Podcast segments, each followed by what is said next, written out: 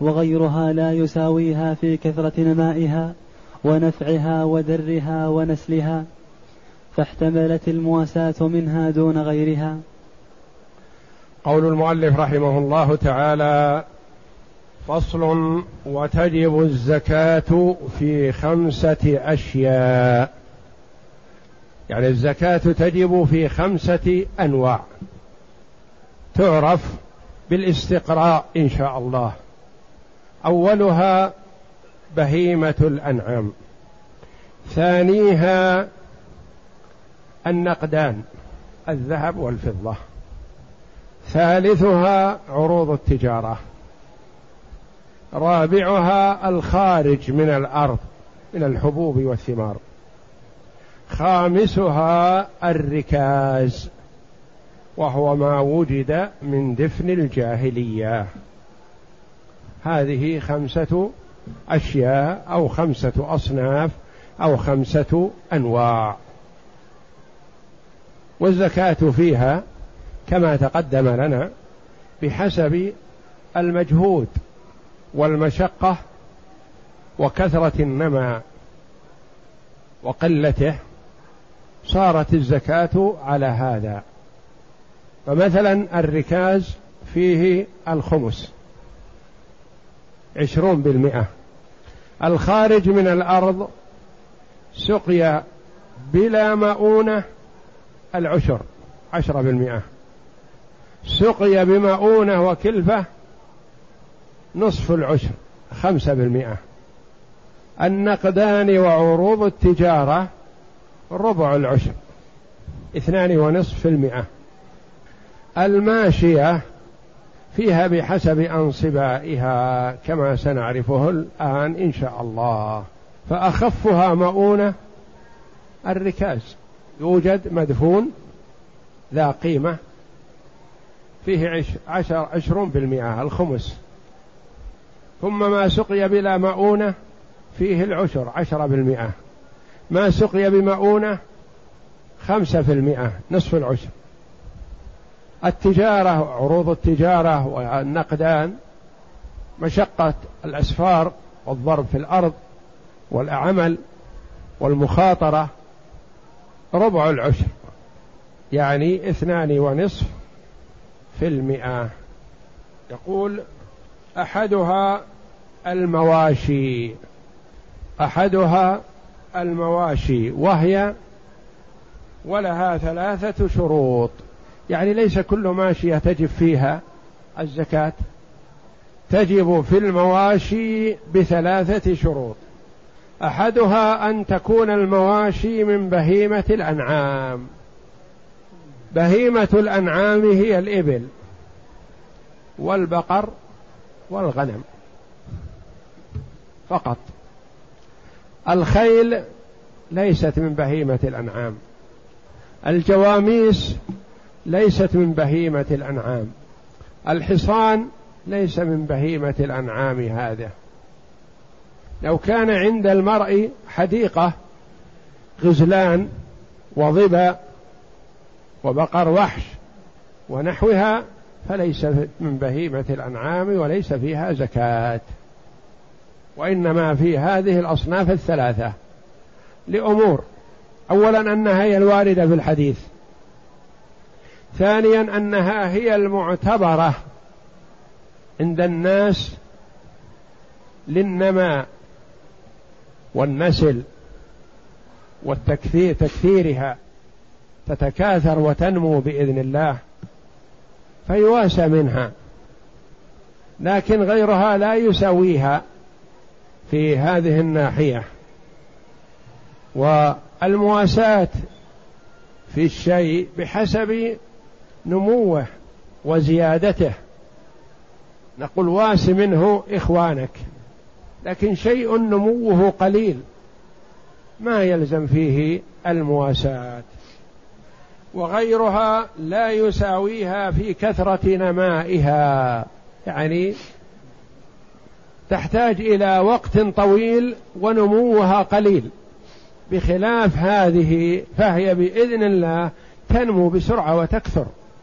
إذا بارك الله فيها وأدي حق الله جل وعلا منها نمت في كثرة نمائها وكثرة نفعها ونسلها وحاجة الناس إليها واستهلاكهم لها فهي فيها خير. فاحتملت المواساة منها دون غيرها. نعم. ولا زكاة في الخيل والبغال والحمير والرقيق لقول النبي صلى الله عليه وسلم ليس على المسلم في عبده ولا فرسه صدقة. متفق عليه. ولأنه لا يطلب درها ولا تقتنى في الغالب إلا للزينة والاستعمال لا للنماء. ولا زكاة في الخيل. حتى وإن تكاثرت ليس فيها زكاة واجبة. وإنما إذا أخرج منها صدقة تطوع فحسن. والبغال ما تولد من الحمار والفرس. والحمير لا زكاة فيها ولو تكاثرت عند المرء. والرقيق الأرقاء العبيد. والرق في الإسلام سببه الكفر. يستولي المسلمون على بلاد الكفار فتسبى ذراريهم ونساءهم تكون أرقة بأيدي المسلمين. وسبب هذا الرق الكفر. لو أسلموا بدون أن يقاتلهم المسلمون ما استرقوا أحرار.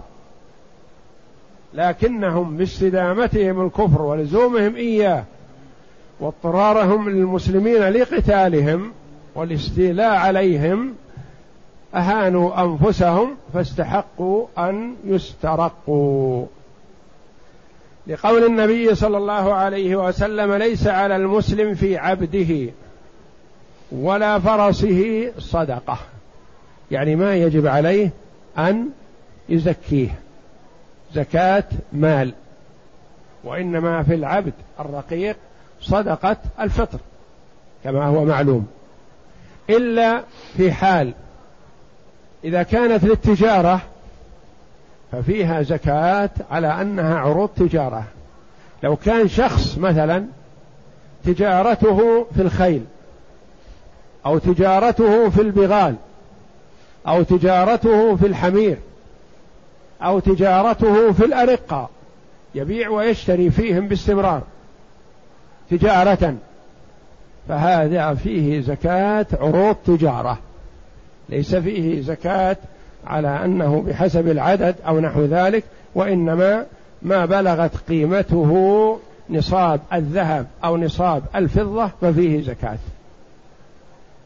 لو أن شخص مثلا عنده محل يبيع فيه ويشتري بالحمير مثلا أو بالبغال أو بالخيل.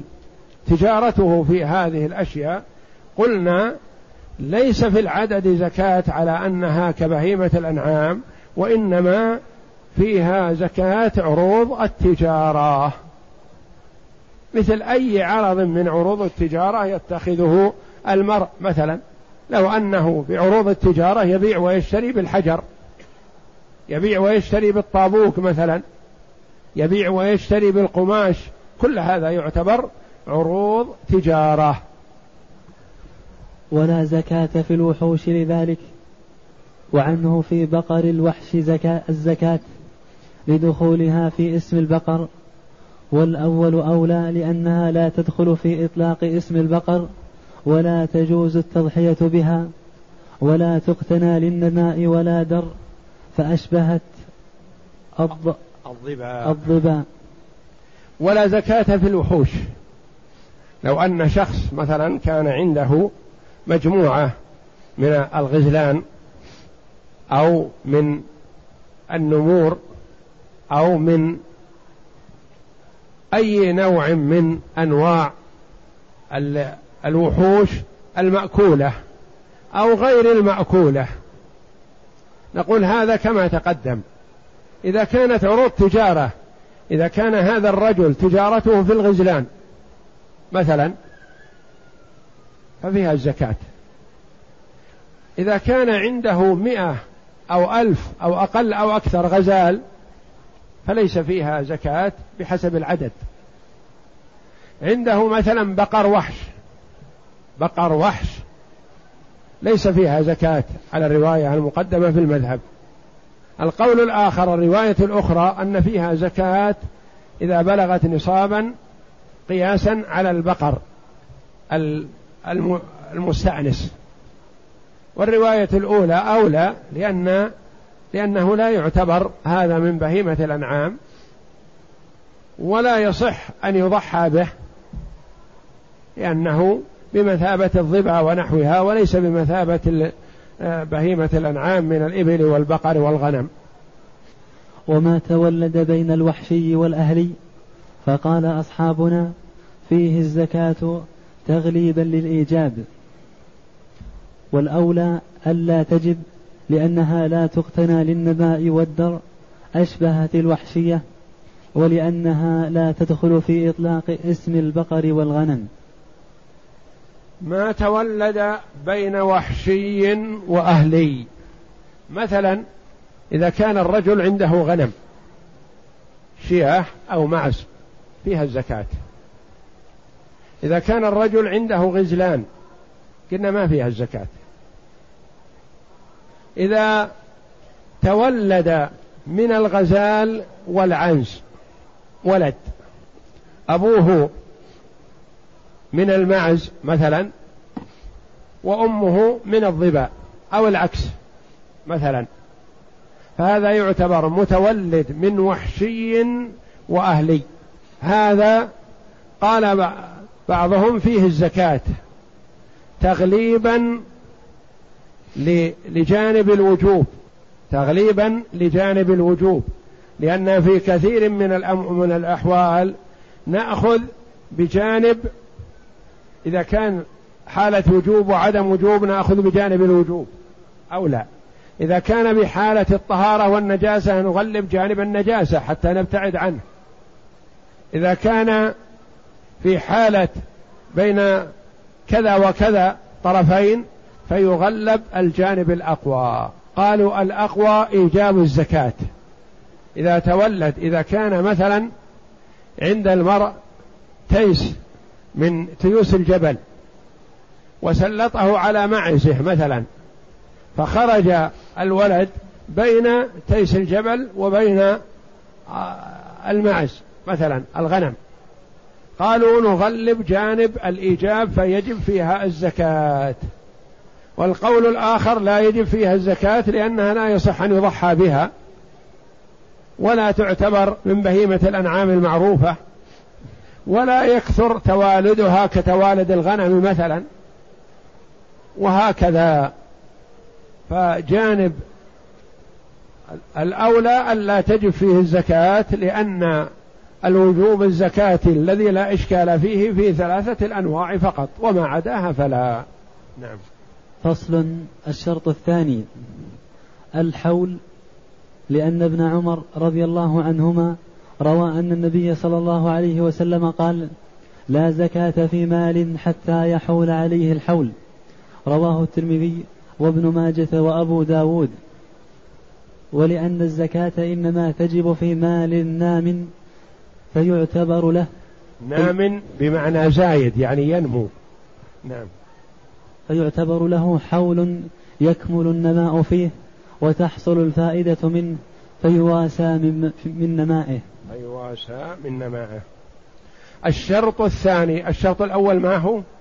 أن تكون من بهيمة الأنعام من الإبل والبقر والغنم. الشرط الثاني الحول. لقول النبي صلى الله عليه وسلم الذي لا ينطق عن الهوى لا زكاة في مال حتى يحول عليه الحول. مثلا الإمام جرت العادة أنه يبعث السعاة لجمع الزكاة في وقت تجمع الرعاة وأهل الإبل على الموارد حتى يكون أيسر مثلا للسعاة لا يتتبعونهم في الفلوات البعيدة فإذا تجمعوا وتقاربوا حول الموارد بعث الإمام مثلا السعاة لأخذ الزكاة. نفرض أنه أن الإمام بعث السعاة مثلا في رجب. يبعث السعاة في رجب. لأنه هو الوقت المناسب مثلا. شخص عنده مواشي من العام الماضي والذي قبله. آخر اشترى غنم أو إبل أو بقر وأسامها في البرية خرجت ترعى. اشتراها في محرم وأرسلها في البرية مع الرعاة. جاء المصدقون في رجب قالوا تعال يا فلان أعطنا صدقة مالك. يقول هذه الأموال التي ترونها لي ما اشتريتها أو ما تملكتها إلا في محرم. ما مضى عليها إلا أقل من ستة أشهر. هل يسوغ لهم أن يأخذوا الزكاة منه في هذه الحال؟ لا. لا يأخذ الزكاة منه وإنما يأخذ الزكاة منه في محرم من السنة الآتية حتى يمضي عليه حول أو آخر مثلا مواشيه واشغاله بالماشية منذ شهرين أو ثلاثة أشهر. فجاء المصدقون يطالبونه بالزكاة لا. حتى يحول الحول على ماله. لماذا؟ أولا وقبل كل شيء لقوله صلى الله عليه وسلم لا زكاة في مال حتى يحول عليه الحول. ثانيا أن الزكاة يطلب من صاحبها مواساة إخوانه الفقراء. فكيف نقول لشخص الآن في صدد استعداده وشرائه وتهيئة سائمته نباغته؟ نقول ادفع الزكاة. يقول الآن اشتريت ما زاد مالي ولا. فنمهله حتى ينمو ماله ويزيد فيعطينا من الزائد. فإن هلك النصاب أو واحدة منه في الحول أو باعها انقطع أو باعها انقطع ثم إن نتجت له أخرى مكانها أو رجع إليه من باع استأنف الحول سواء ردت إليه ببيع أو إقالة أو باعها بالخيار فردت به لأن الملك يزول بالبيع والرد تجديد مل تجديد تجديد ملك. وإن قصد.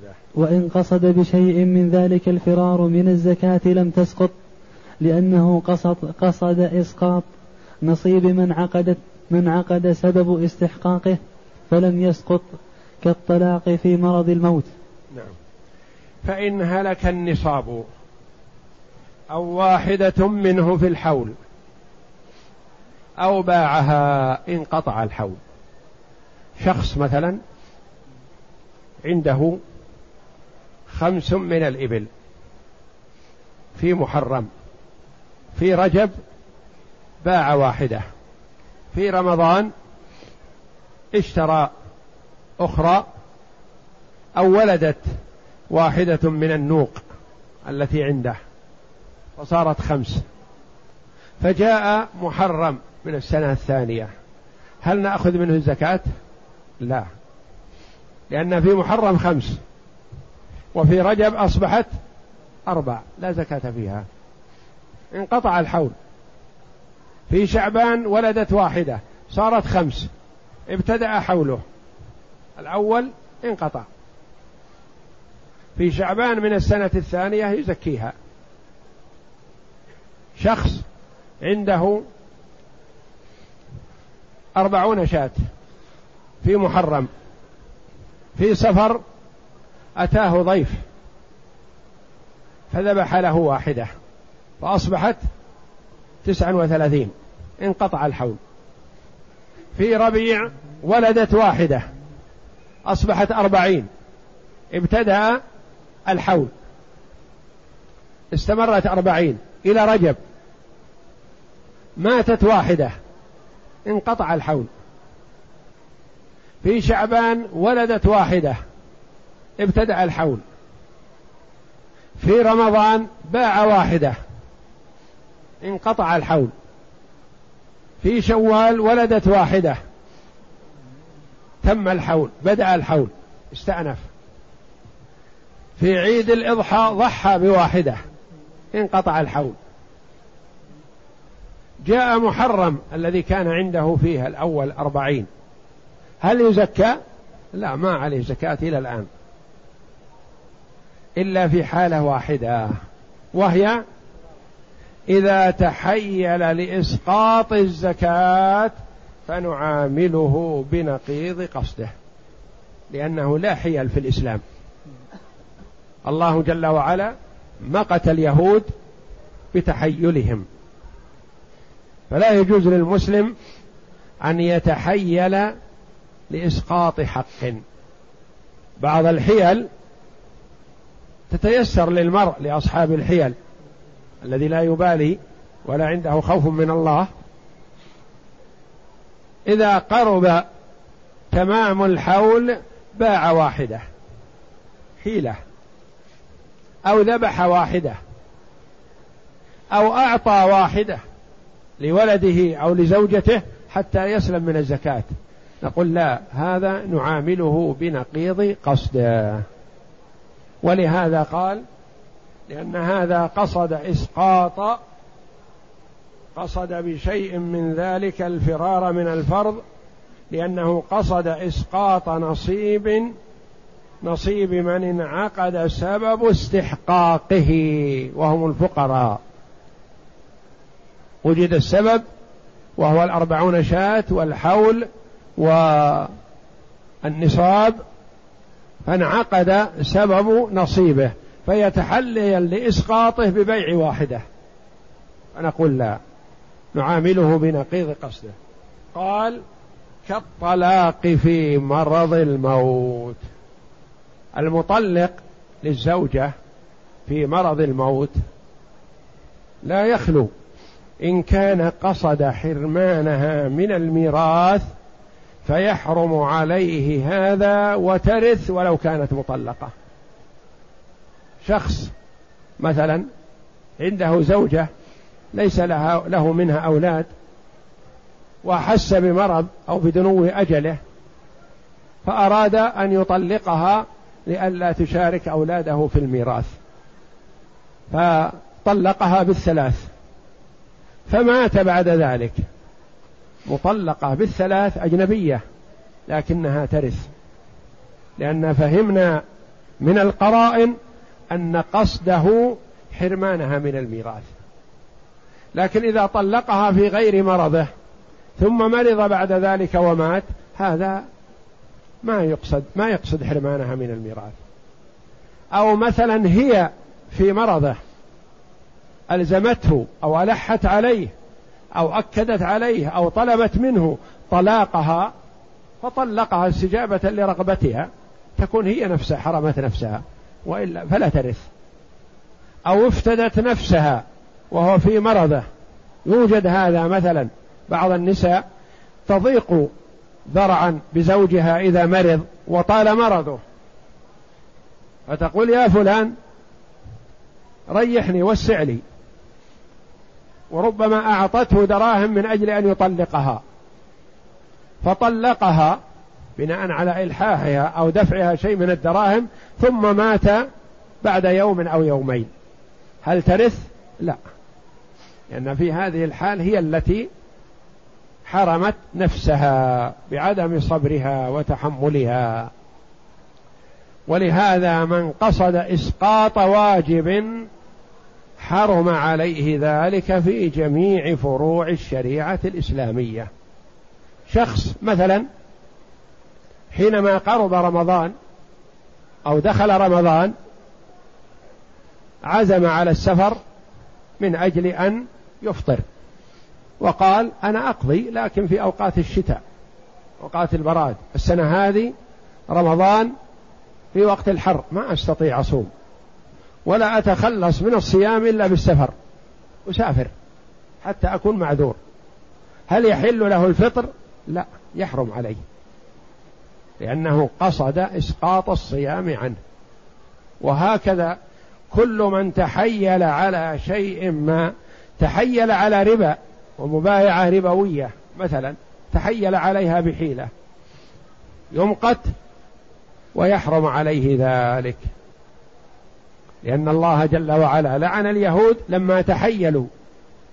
حرم الله جل وعلا عليهم صيد السمك في يوم السبت فتحيلوا من خبثهم وقالوا نضع الشراك فابتلاهم الله جل وعلا بأن جعل السمك يأتي إليهم يوم السبت ويذهب عنهم يوم الأحد ويوم الجمعة ما يجدونه. ابتلاء وامتحان من الله جل وعلا. ففكر مفكروهم مخادعون لله قالوا نضع الشراك يوم الجمعة في موارد السمك ونتركها في مكانها. ونأتي يوم الأحد أو يوم الاثنين ونحمل الشراك فإذا هي ملأى بالسمك هذا حيلة. لأنهم أرادوا صيد يوم السبت بهذه الحيلة اللعينة. فمقتهم الله جل وعلا. وكذلك لا يجوز للمسلم أن يتحيل على إسقاط واجب أو حرمان صاحب حق من حقه. وإنما يكون في عمله مخلصا لله قد يسقط عنه الواجب بدون حيلة كما مر بنا. إذا كان ذلك نتيجة البيع أو الهبة أو الموت أو نحو ذلك فيسقط عنه الواجب. أما إذا عرف أنه قصد بهذا التصرف حرمان الفقراء من حقهم التي هي الزكاة التي هي سبب لطهارة قلبه ونمو ماله. فقصد حرمانهم من هذا فإنه يؤاخذ بنقيض قصده ولا يقر على هذا. مثل المطلق في مرض الموت يريد حرمان زوجته من الميراث. وإن نتجت واحدة ثم هلكت واحدة لم ينقطع الحول لأنه لم ينقص. نعم. وإن نتجت واحدة وهلكت واحدة. واحد عنده أربعون شاة في محرم. وفي رجب ولدت واحدة. صارا واحد وأربعين. في نفس اليوم بعد ساعة أو ساعتين من الولادة ماتت الأم أو غيرها.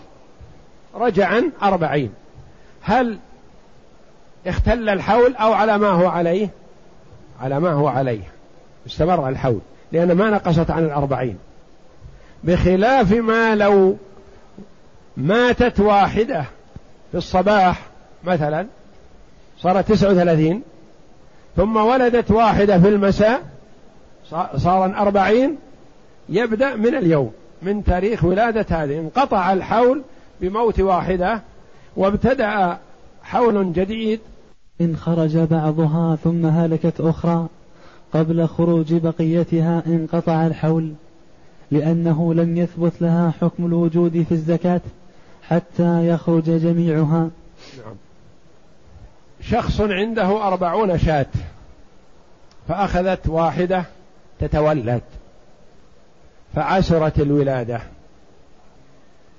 فماتت شاة من الأربعين. واحدة ماتت والمولودة الجديدة إلى الآن ما خرجت خرج نصفها. ونصفها لا يزال في الرحم. ما استكمل. انقطع الحول.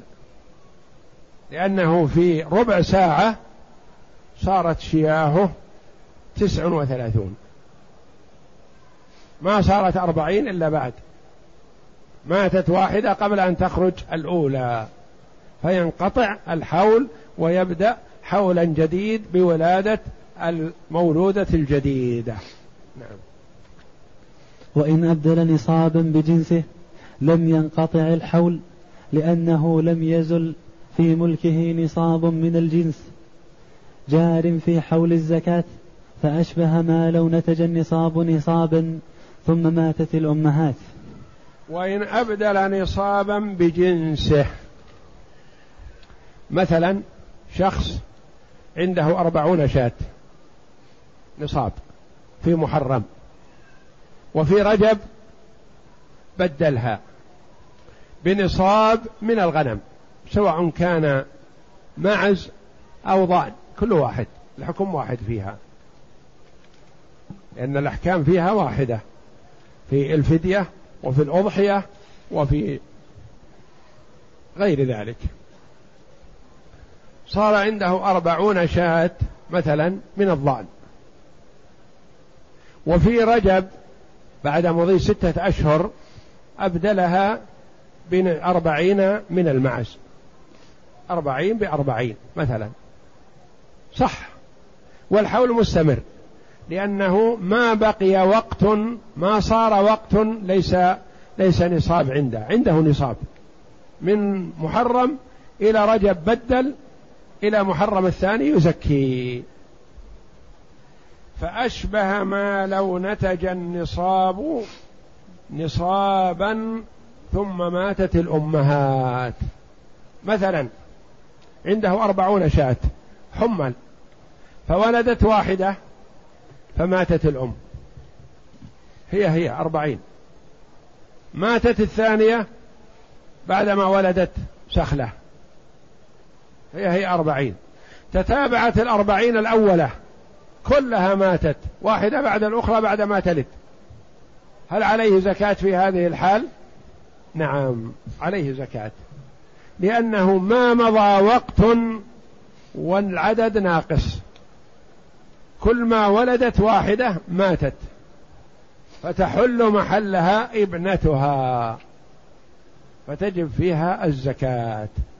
حتى وإن كانت صغيرة كما سيأتينا قول عمر رضي الله عنه وأرضاه. نعم. وإن باع عينا بورق إن بنى على ضم أحد أحدهما إلى الآخر فإن قلنا يضم لم ينقطع الحول. لأنهما كالجنس الواحد وإن قلنا لا يضم انقطع الحول لأنهما جنسان. وإن باع عينا بورق العين الذهب والورق الفضة. كان عنده نصاب ذهب ستة أشهر ثم باع هذا الذهب بفضة. من متى نعتبر مبدأ الحول؟ هل من حول الذهب الأول أم من حول الفضة الذي أبدله؟ قال ننظر. لأن العلماء رحمهم الله اختلفوا في الذهب والفضة.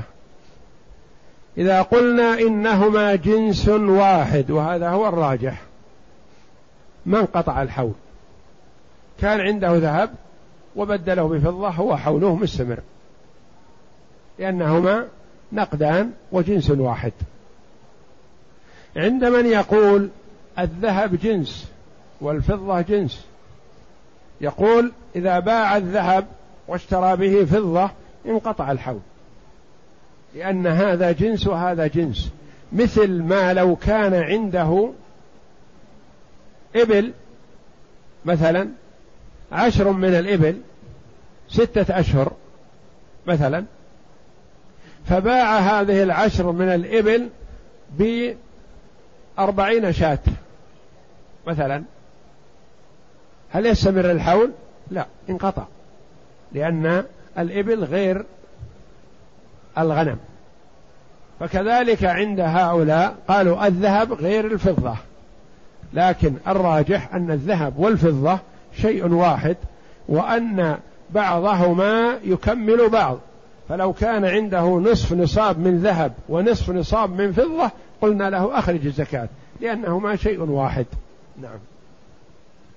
وما نتج من النصاب فحوله النصاب لما روي عن عمر رضي الله عنه أنه قال اعتد عليهم بالسخلة يروح بها الراعي على يديه ولأنه من نماء النصاب فلم يفرد عنه بحول كربح التجارة.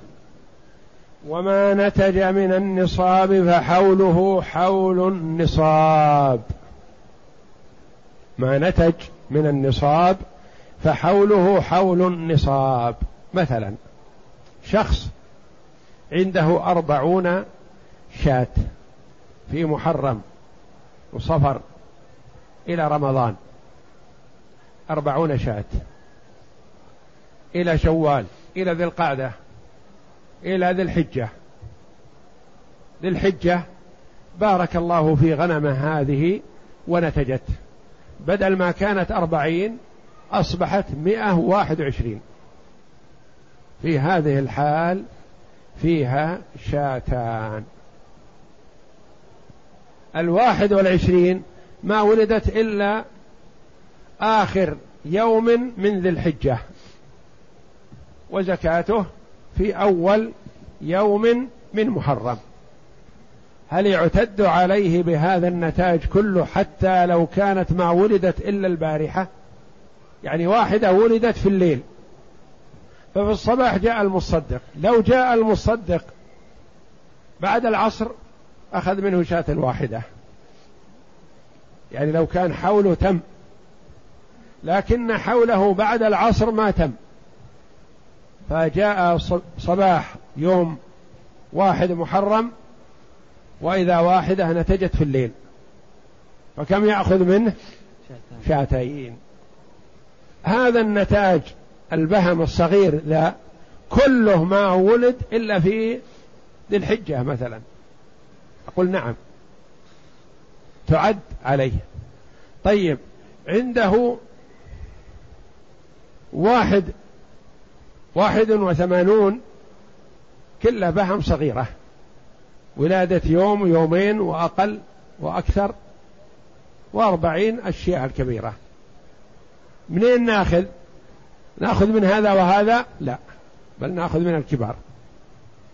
لقول عمر رضي الله عنه اعتد عليهم اعتد. يأمر المصدق يقول عد عليهم السخلة. يروح بها الراعي على يديه. يعني السخلة ولدت قبل ساعتين. فجاء المصدق يعدها عليهم حتى يعد هذه الصخلة التي حملها الراعي بيده. ما تمشي توها مولودة. ولدت قبل ربع ساعة. يعدها عليهم ولا يأخذها منهم كما في بعض الروايات. اعتد عليهم السخلة ولا تأخذها منهم. لا تؤخذ الصغيرة إلا إذا كان كل النصاب صغار فتؤخذ. نعم. وإن ماتت الأمهات لأن نماء النصاب هذا من مثل نماء التجارة فيعتد عليهم به. بخلاف ما لو كان عند المرء مثلا أربعون شاة ستة أشهر أو ثمانية أشهر أو أحد عشر شهر وفي الشهر الأخير اشترى ثمانين واحد وثمانين من البهم. من السخال الصغير بخمسة أريل وعشرة أريل. هذه لا ما ليس حولها حول الأول. هذه تبدأ حول من الآن. لأن تلك من نماء النصاب تعد عليهم. وهذه ليست من نماء النصاب اشتراها بماله فلا تعد. وإن ماتت الأمهات فتم الحول على السخال وهي نصاب وجبت فيها الزكاة لأنها جملة جارية في الحول لم تنقص عن النصاب أشبه ما لو بقي من الأمهات نصاب. وإن ماتت الأمهات فتم الحول على السخال وهي نصاب وجبت فيها الزكاة. مثلا عنده أربعون شاة وبدأت تتوالد وتموت الكبار. تتوالد وتموت الكبار. عند تمام الحول أصبح عنده واحد وثمانون بهمة سخلة صغيرة. الأمهات كلها ماتت الأربعين. نقول ينظر إذا كان انقطع النصاب في الأثناء انقطع الحول. لكن النصاب مستمر. إذا تموت واحدة بعدما تلث ثلاث مثلا. فالنصاب مستمر ويعد السخال وإن كانت صغيرة تؤخذ منها الزكاة. وإن ملك دون النصاب وكمل وكمل بالسخال احتسب الحول من حين كم للنصاب وعنه يحتسب من حين ملك الأمهات والمذهب الأول لأن النصاب هو السبب. فاعتبر مضي الحول على جميعه. وإن ملك دون النصاب وكمل بالسخال احتسب الحول من حين كمل. شخص عنده ثلاثون شاة مضى عليها ستة أشهر وهي ثلاثون شاة. هل تحسب هذه الأشهر من الحول؟ لا لأنها دون النصاب. بدأت تتوالد. مبدأ حولها الأول مبدأها في المحرم مثلا. جاء رمضان وهي تسع وثلاثون.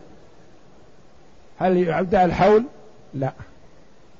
رمضان وشوال وذي القعدة وهي تسع وثلاثون. في ذي الحجة ولدت واحدة صارت أربعين. في هنا من هنا يبدأ الحول. يزكيها في ذي الحجة من العام القادم إن شاء الله.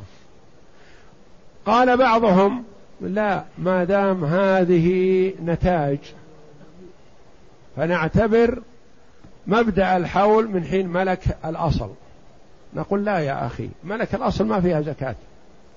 ملك عشر عشرين ثلاثين خمسة وثلاثين ثمان وثلاثين تسعة وثلاثين ما فيها زكاة. لو مضت عنده سائمة تسع سنين وهي تسع وثلاثين ما فيها زكاة. من يوم تمت أربعين يبدأ الحول. وأما المستفاد بإرث أو عقد فله حكم نفسه لأنه مال ملكه أصلا فيعتبر له الحول شرطا كالمستفاد من غير الجنس. وأما المستفاد بإرث أو عقد فله حكم نفسه. نعم. شخص عنده خمس وثلاثون شاة من محرم إلى رمضان وهي خمس وثلاثين إلى شوال إلى ذي القعدة أصبحت تسع وثلاثين إلى ذي القعدة. في ذي الحجة مات أبوه وورث منه أربعين شاة. مع التسع والثلاثين. أصبحت تسع وسبعين شاة. متى يبدأ الحول؟ من محرم الماضي الذي كانت فيه تسع وثلاثين؟ لأن هذا ليس نماء. يبدأ الحول من حين كمل الأربعين. مثال آخر. إذا كان عنده نصاب مثلا عنده خمس من الإبل في محرم واستمرت إلى ذي الحجة.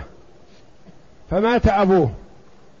فورث منه عشر من الإبل مع الخمسة التي عنده. فجاء المصدق في واحد محرم. عنده خمسة عشر من الإبل. كم يأخذ منه زكاة؟ شاة واحدة. للخمس التي حال عليها الحول.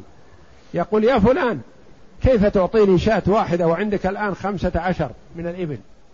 يقول نعم عندي خمسة عشر لكن هذه العشر ورثتها من أبي الذي توفي قبل شهر.